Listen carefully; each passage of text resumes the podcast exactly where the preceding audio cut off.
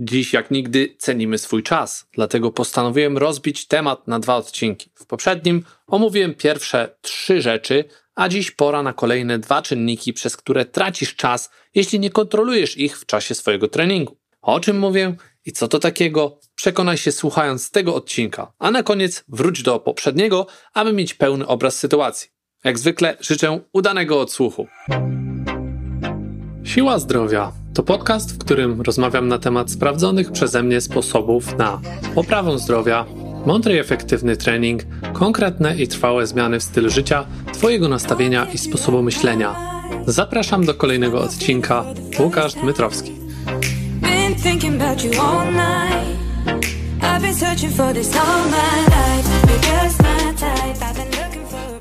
Dzień dobry z tej strony Łukasz Dmytrowski, trener, przedsiębiorca i autor. Jak zwykle gorąco zachęcam Cię do subskrypcji mojego podcastu w Twojej ulubionej aplikacji. A dzisiaj kontynuujemy temat, który rozpocząłem w poprzednim odcinku, to znaczy omówienie pięciu czynników, których często wielu osobom brakuje w treningu, przez co marnują oni swój czas, a i nie do końca jest to efektywne jego wykorzystanie. Tak jak poprzednio mówiłem, jest tych czynników pięć. W poprzednim odcinku było ich omówionych trzy, a mianowicie były to oddech, czyli tak naprawdę właściwy jego tor, w jaki sposób powinniśmy oddychać, jaką rolę pełni ta no, niesamowicie ważna czynność, której tak naprawdę nie jesteśmy w stanie uniknąć i co się dzieje, gdy źle oddychamy, ale o tym oczywiście w tym odcinku poprzednim, teraz o tym już nie będziemy rozmawiać. Mówiłem też o skupieniu się na treningu, o tym, jak się skupić na tym, co robisz podczas treningu, a także troszeczkę o organizacji swojego czasu, o czasie na przemyślenia, na różnego rodzaju właśnie z tym związane problemy i dylematy. Tak więc również, jeśli Cię to interesuje, to zapraszam do poprzedniego odcinka. Z pewnością będziesz z tego w stanie dużo wynieść, ale jeszcze była jedna sprawa, o której rozmawialiśmy, czyli regularność, ta taka rzecz, która no, rzadko kiedy pozwala nam, jeśli jej brakuje w naszym treningu, na to, aby cokolwiek się zmieniło trwale. No i oczywiście czy jest taka możliwość, żeby coś osiągnąć bez regularnego treningu, czy to w ogóle bez sensu, czy tak naprawdę coś jeszcze wpływa na ten trening, co z pozostałymi rzeczami, takimi jak odżywianie, sens, stres i tak dalej, co jest ważniejsze, czy regularność, czy, czy właśnie te wszystkie rzeczy, no to po to wszystko zapraszam do poprzedniego odcinka, tak żeby teraz nie marnować już więcej czasu, no to przechodzimy do pozostałych dwóch rzeczy, o których nie zdążyłem w poprzednim odcinku Wam powiedzieć, tak więc jedziemy z tym wszystkim, a więc mianowicie, co takiego jeszcze dzisiaj do omówienia. To jest e, jeden chyba z najważniejszych, oprócz oddechu, moim zdaniem, tutaj i regularności. No nie wiem, trudno jest też tak naprawdę ocenić, jaką wartość, jaką ważność, jaki priorytet nadać każdemu z tych czynników, z tych rzeczy, no bo wszystkie są, można byłoby powiedzieć, w jakimś stopniu ważne. I jest to poprawna technika, poprawna technika, ale co tak naprawdę mam na myśli? Co ja rozumiem przez poprawną technikę? I nie chciałbym tutaj wchodzić w żadne definicje podręcznikowe, bo nie jestem w żadnym stopniu, w żadnym sensie fanem takiego typowego szkolnictwa, który każe nam po prostu poznać pewne regułki i wkuwać je na pamięć bez żadnego zrozumienia, bo najważniejsze jest tak naprawdę właśnie tutaj pojęcie tych paru istotnych rzeczy, żeby w głowie się to jakoś ułożyło, żeby to było naturalnie zrozumiałe, no to nie zawsze wystarczy tylko i wyłącznie odsłuchać jakiejś tam definicji i już po wszystkim, tylko trzeba się troszeczkę nad tym zastanowić i przemyśleć. A technika niekoniecznie zawsze musi być też identyczna dla każdego z nas, no bo każdy organizm, każdy człowiek troszeczkę się różni. Nasze cechy są nieco inne, czy pomiędzy nawet płciami kobiety i mężczyźni to już naturalne, że każdy to rozumie, ale i w przypadku dwóch mężczyzn, jeśli jeden jest wysoki, ma dłuższe ramiona, dłuższe nogi, cokolwiek, wszystkie czynniki, które wówczas wpływają na to, jak będzie wyglądała poprawna technika, mogą się nieznacznie, nieznacznie, zaznaczam tutaj, że to na pewno nie będą jakieś dramatyczne różnice, ale mogą się nieznacznie różnić. I to, co jest najważniejsze dla techniki, to to, aby w trakcie wysiłku ruch, jakikolwiek to nie będzie ruch, czy to będą ćwiczenia z ciężarem, czy bez ciężaru, były te ćwiczenia, te ruchy wykonywane w zgodzie z naszą anatomiczną budową. Czyli tak jak zostało ciało zbudowane, jak przez setki tysięcy lat, czy ile tam nie to trwa to wszystko, bo trudno jest to określić, to ten ruch powinien być zgodny z pewnymi zasadami, które ustaliła dla nas natura, które wynikają z tego, jak jesteśmy zbudowani. I taki ruch jakikolwiek on nie będzie, tak jak powiedziałem, nie ma tu znaczenia, czy to będą ciężary, czy gimnastyka, czy bieganie, czy coś jeszcze innego, powinien ten ruch powodować jak najmniej przeciążeń stawów i ogólnie nie powodować jakichś nadmiernych odstępstw od ich naturalnych zakresów oraz bieżącej ruchomości. I to taka moja własna definicja, więc y, jeśli oczywiście znasz lepszą, to zapraszam Cię do podzielenia się nią ze mną. Odwiedź naszą grupę na Facebooku i właśnie tam zostaw komentarz, nawiąż do tego odcinka, daj znać, że nie zgadzasz się lub zgadzasz, lub masz coś jeszcze do powiedzenia, bardzo chętnie Cię wysłucham, bo ile ludzi, tyle może być pomysłów na definicję poprawnej techniki. Jednak mi się wydaje, że to jest taka dość bliska temu, co powinniśmy robić. No dobrze, ale co takiego jeszcze w takim razie daje ta poprawna technika i dlaczego jej brak cię tak naprawdę ogranicza? Tutaj moim zdaniem złe wzorce ruchowe czy błędnie zakodowany ruch będą powodować po prostu w najprostszy sposób przemęczenie pewnych grup mięśniowych i niedostateczny rozwój innych. To przekłada się także na słabsze wyniki sportowe oraz w prostej linii na rosnące ryzyko kontuzji. To dość proste, krótkie i zwięzłe, mam nadzieję. Więc jeżeli tego nie do końca rozumiesz, no to można na to spojrzeć w taki sposób, że poprawna technika będzie przyjemniejsza po prostu do oglądania. Jako widz, jeśli oglądasz kogoś, to widzisz, że taki człowiek, który poprawną technikę prezentuje, to robi coś, co niejako jest zakodowane w naszym ludzkim DNA. Coś, co sprawia mniej wysiłku, a przynajmniej się tak wydaje z zewnątrz patrząc, ale też naraża taką osobę na mniejsze urazy i, i powoduje, że może taka osoba dzięki temu, że wykonuje je poprawną techniką, wykonywać takie ćwiczenia od razu szybciej, efektywniej i z lepszym efektem, czy to w postaci szybszego budowania siły właśnie, czy masy mięśniowej, bez rosnącego ryzyka urazu. To chyba jedno z najważniejszych cech dobrej techniki. Oczywiście urazy zdarzają się nawet podczas wykonywania ćwiczeń poprawną techniką, ale ryzyko ich powstania będzie zdecydowanie mniejsze. Nie opieram się tutaj w żadnym razie na jakichkolwiek badaniach, a tak jak zwykle na swoich własnych doświadczeniach i wiem doskonale, że bardziej podatny byłem na ryzyko różnego rodzaju kontuzji, wtedy właśnie, gdy moje ciało nie do końca poruszało się zgodnie z tymi może pisanymi, a może nie pisanymi, bo zależy w jakiej dyscyplinie będziemy tutaj to rozstrzygać regułami gry. Najczęściej reguły pewnych właśnie gier zespołowych, pewnych gier indywidualnych, jakiekolwiek by to nie były, są w taki sposób pisane, żeby to ryzyko ograniczyć. Chociażby spoglądając tutaj sobie w podnoszenie ciężarów, jeśli mamy do czynienia z, dajmy na to, podrzutem czy rwaniem, no to w trakcie takiego boju nie powinniśmy przyjmować ciężaru nad głową na ugiętym ramieniu, tak? Jest to niedozwolone podczas zawodów. Z jakiego względu? Z tego względu, że jest to niepoprawna technika, która rodzi duże ryzyko urazu. I ci, którzy tworzyli tę zasadę, pewnie podejrzewam, nie znam historii aż tak bardzo, nie interesuje mnie to w tym stopniu, żeby dociekać, ale dedukując, idąc tą drogą, myślę, że w ten sposób to wyglądało, że właśnie dlatego powstała ta reguła. I tak samo wiele innych reguł w sportach. Nie będę tutaj oczywiście skupiał się na tym, ale myślę, że wiesz o co chodzi. I jest jeszcze jedna rzecz, to tak zwany, ja sobie to nazwałem, pozwoliłem sobie nazwać paradoks efektywności, bo Twoja sprawność, w tym właśnie jej siła, ale również i zmęczenie na przykład po treningu, będą większe, im lepszą technikę prezentujesz. Bo teoretycznie, jeśli robimy coś lepszą techniką, no to tak naprawdę po to, żeby się mniej zmęczyć. Podnosimy coś efektywnie, żeby wykorzystać więcej mięśni naszego organizmu, zaangażować ich większą ilość, a przez to rozłożyć tę siłę tego ciężaru podnoszonego z ziemi na właśnie większą ilość mięśni, które jednostkowo mniej się zmęczą. No natomiast w takim sporcie, powiedzmy, gdzie liczy się wynik, to znaczy często ilość, i oczywiście tutaj nie mylmy tego, że tylko ilość, bo oczywiście jakość takiego ruchu też przede wszystkim ma znaczenie, właśnie o tym teraz mówię, bo o to chodzi, żeby zwiększyć na przykład ilość powtórzeń, czy poprawić szybkość, na przykład przebiec jeden kilometr szybciej, no to potrzebna jest przede wszystkim najczęściej zmiana techniki na lepszą. No nie tylko poprawa wytrzymałości czy siły biegowej. Oczywiście te również mają duże znaczenie, szczególnie w początkowym etapie pracy nad sobą, a jeżeli już jesteśmy na pewnym etapie zaawansowania, no to właśnie ta technika może sprawić, że będziesz lepszym sportowcem, bardziej wydajnym. Więc poprawiając technikę, możesz zrobić tak naprawdę więcej powtórzeń w tym samym czasie. Czy na przykład przebiec dłuższy dystans w krótszym czasie albo w tym samym czasie. Bo w w przypadku lepszej techniki marnujesz po prostu mniej energii na rzeczy, które dotychczas robiłeś źle.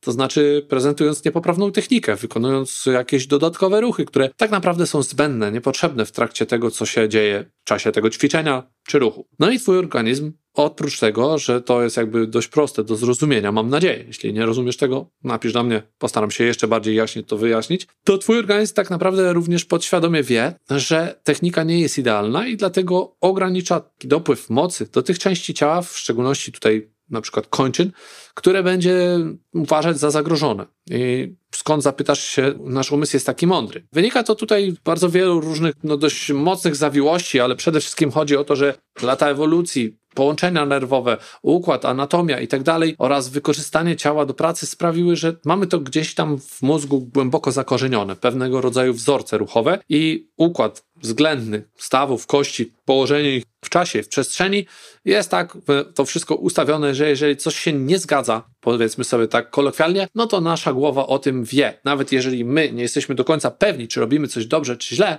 to nasz mózg jest tam po to, żeby właśnie mieć zakodowane te wzorce i to bezpieczeństwo gdzieś głęboko i nie pozwolić nam na wykonanie pewnych rzeczy poprzez odjęcie siły pewnych mięśni, pewnych grup, które będą wówczas de facto nieświadomie nas zniechęcać do tych błędów i do popełnienia czegoś, co mogłoby doprowadzić do, no powiedzmy sobie to szczerze, nawet i poważnych jakichś urazów. Tak więc e, jest to bardzo skomplikowany mechanizm, ale objawia się w bardzo prosty sposób. Zamiast podnieść większy ciężar, jeżeli technikę masz słabą, podnosisz mniejszy, lub jeżeli jesteś na tyle jeszcze, że tak powiem, sprytny, ale można byłoby użyć tu innego słowa, głupi, wykonujesz to nadal złą techniką i jesteś w stanie to zrobić, no bo ciało tak naprawdę jest dość silne i wytrzymałe, w pewnym momencie możesz tutaj doprowadzić do pewnych bardzo katastrofalnych zmian, szczególnie jeśli będzie to na przykład, dajmy na to, podnoszenie bardzo dużego ciężaru, i wówczas skończy się to naprawdę źle dla ciebie, długą, dużą, poważną kontuzją, która sprawić może, że już nigdy nie wrócisz do tego, co wcześniej robiłeś.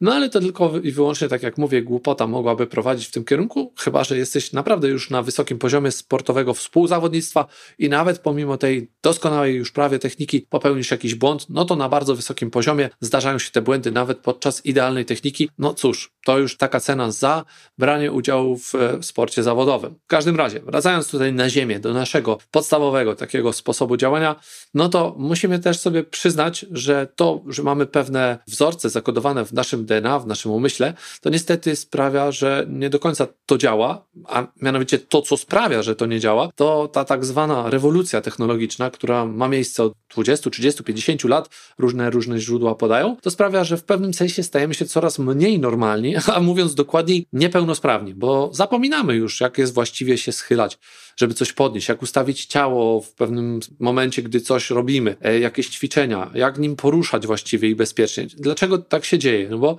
tak naprawdę jest to całkowicie proste, jeśli się przyjrzeć temu, w jaki sposób postępuje to, co się dzieje w społeczeństwie. Jako ludzie zaczynamy coraz mniej używać naszego ciała w zakresie jego możliwości, takich jak ewolucyjnie są nam dane.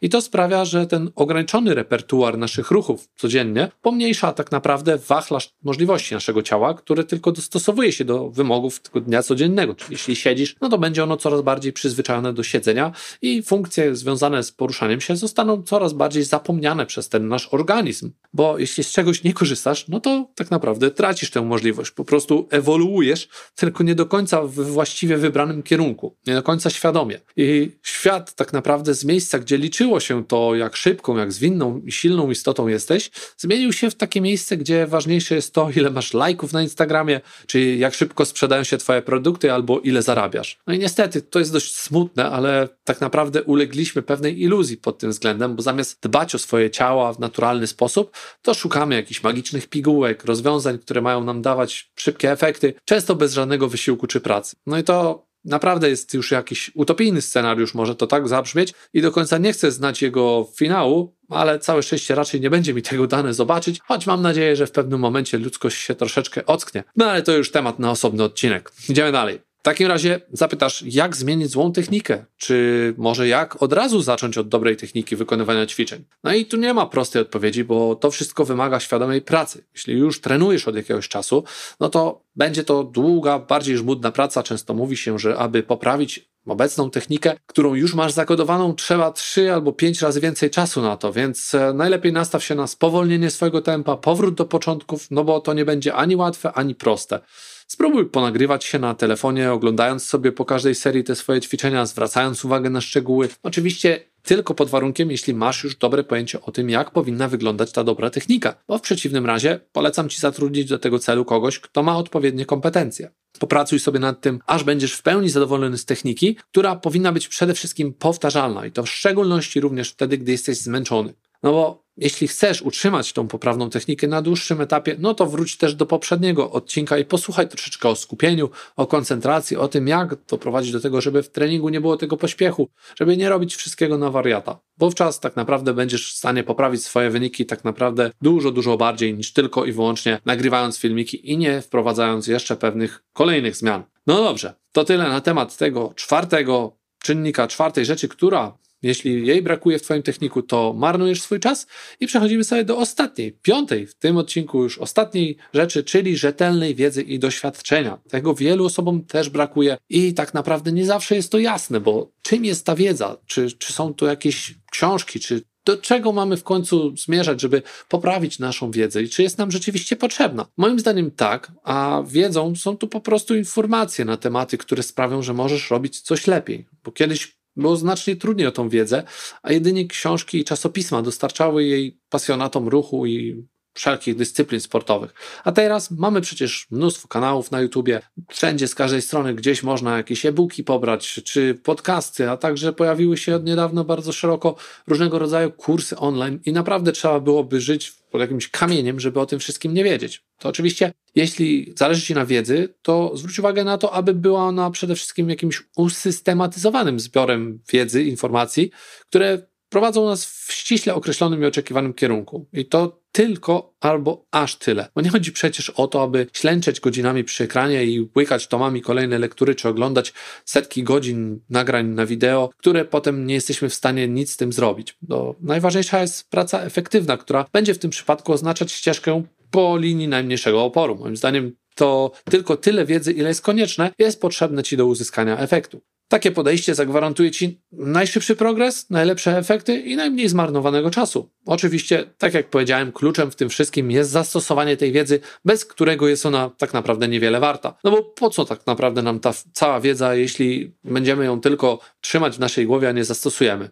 Myślę, że może też być pewien aspekt, który sprawi, że będzie ona przydatna, na przykład po to, aby uniknąć jakichś błędów, ślepych zaułków, dróg na skróty, które w rezultacie oznaczają często lata bezproduktywnej pracy. Ale oczywiście tylko i wyłącznie potrzebujemy tej wiedzy tyle albo w takim temacie, który jest nam bliski, którego gdzieś tam jesteśmy częścią, którego jeżeli wykorzystujemy mniej niż potrzebujemy, to być może przewidujemy zapotrzebowanie na tę wiedzę w najbliższej przyszłości i wówczas można poświęcić troszeczkę więcej czasu. No ale jeśli nie poświęcimy tego czasu, jej brak tej wiedzy może właśnie kosztować nas jeszcze więcej czasu, więc ciężko jest ocenić adekwatnie i bardzo precyzyjnie, ile tej wiedzy jest nam potrzeba, bo tak na dobrą sprawę to jest bardzo indywidualna sprawa. I na koniec jeszcze jedna rzecz, bo tak naprawdę nie powiedziałem tego, choć powiedziałem skąd czerpać wiedzę, tych źródeł jest bardzo dużo i tak można byłoby godzinami tutaj nawijać, to Moim zdaniem jest jeszcze jedno lepsze źródło wiedzy, którą bardzo mało osób wykorzystuje. Szczególnie w przypadku mojej kariery jako trenera nie zdarza mi się to zbyt często w przypadku osób, które przychodzą do mnie na treningi, a moim zdaniem najlepiej czerpać tę wiedzę od sprawdzonego, doświadczonego i zaufanego trenera, jakim mam nadzieję dla moich podopiecznych jestem. I w tym przypadku, jeśli nie masz kontaktu bezpośredniego z takim trenerem, no to po prostu obserwuj, słuchaj, czytaj, rozglądaj, przetestuj różnych trenerów, bo nie każdy super trener, który podoba Ci się jego, powiedzmy, kanał na YouTubie, będzie pasować do Twojego stylu codziennej współpracy i na przykład pomimo osiągnięć takiego trenera, może okazać się, że nie będzie to idealny dla Ciebie wybór. A jak dokonać tego wyboru? A mówiłem już o tym parę razy w poprzednich odcinkach.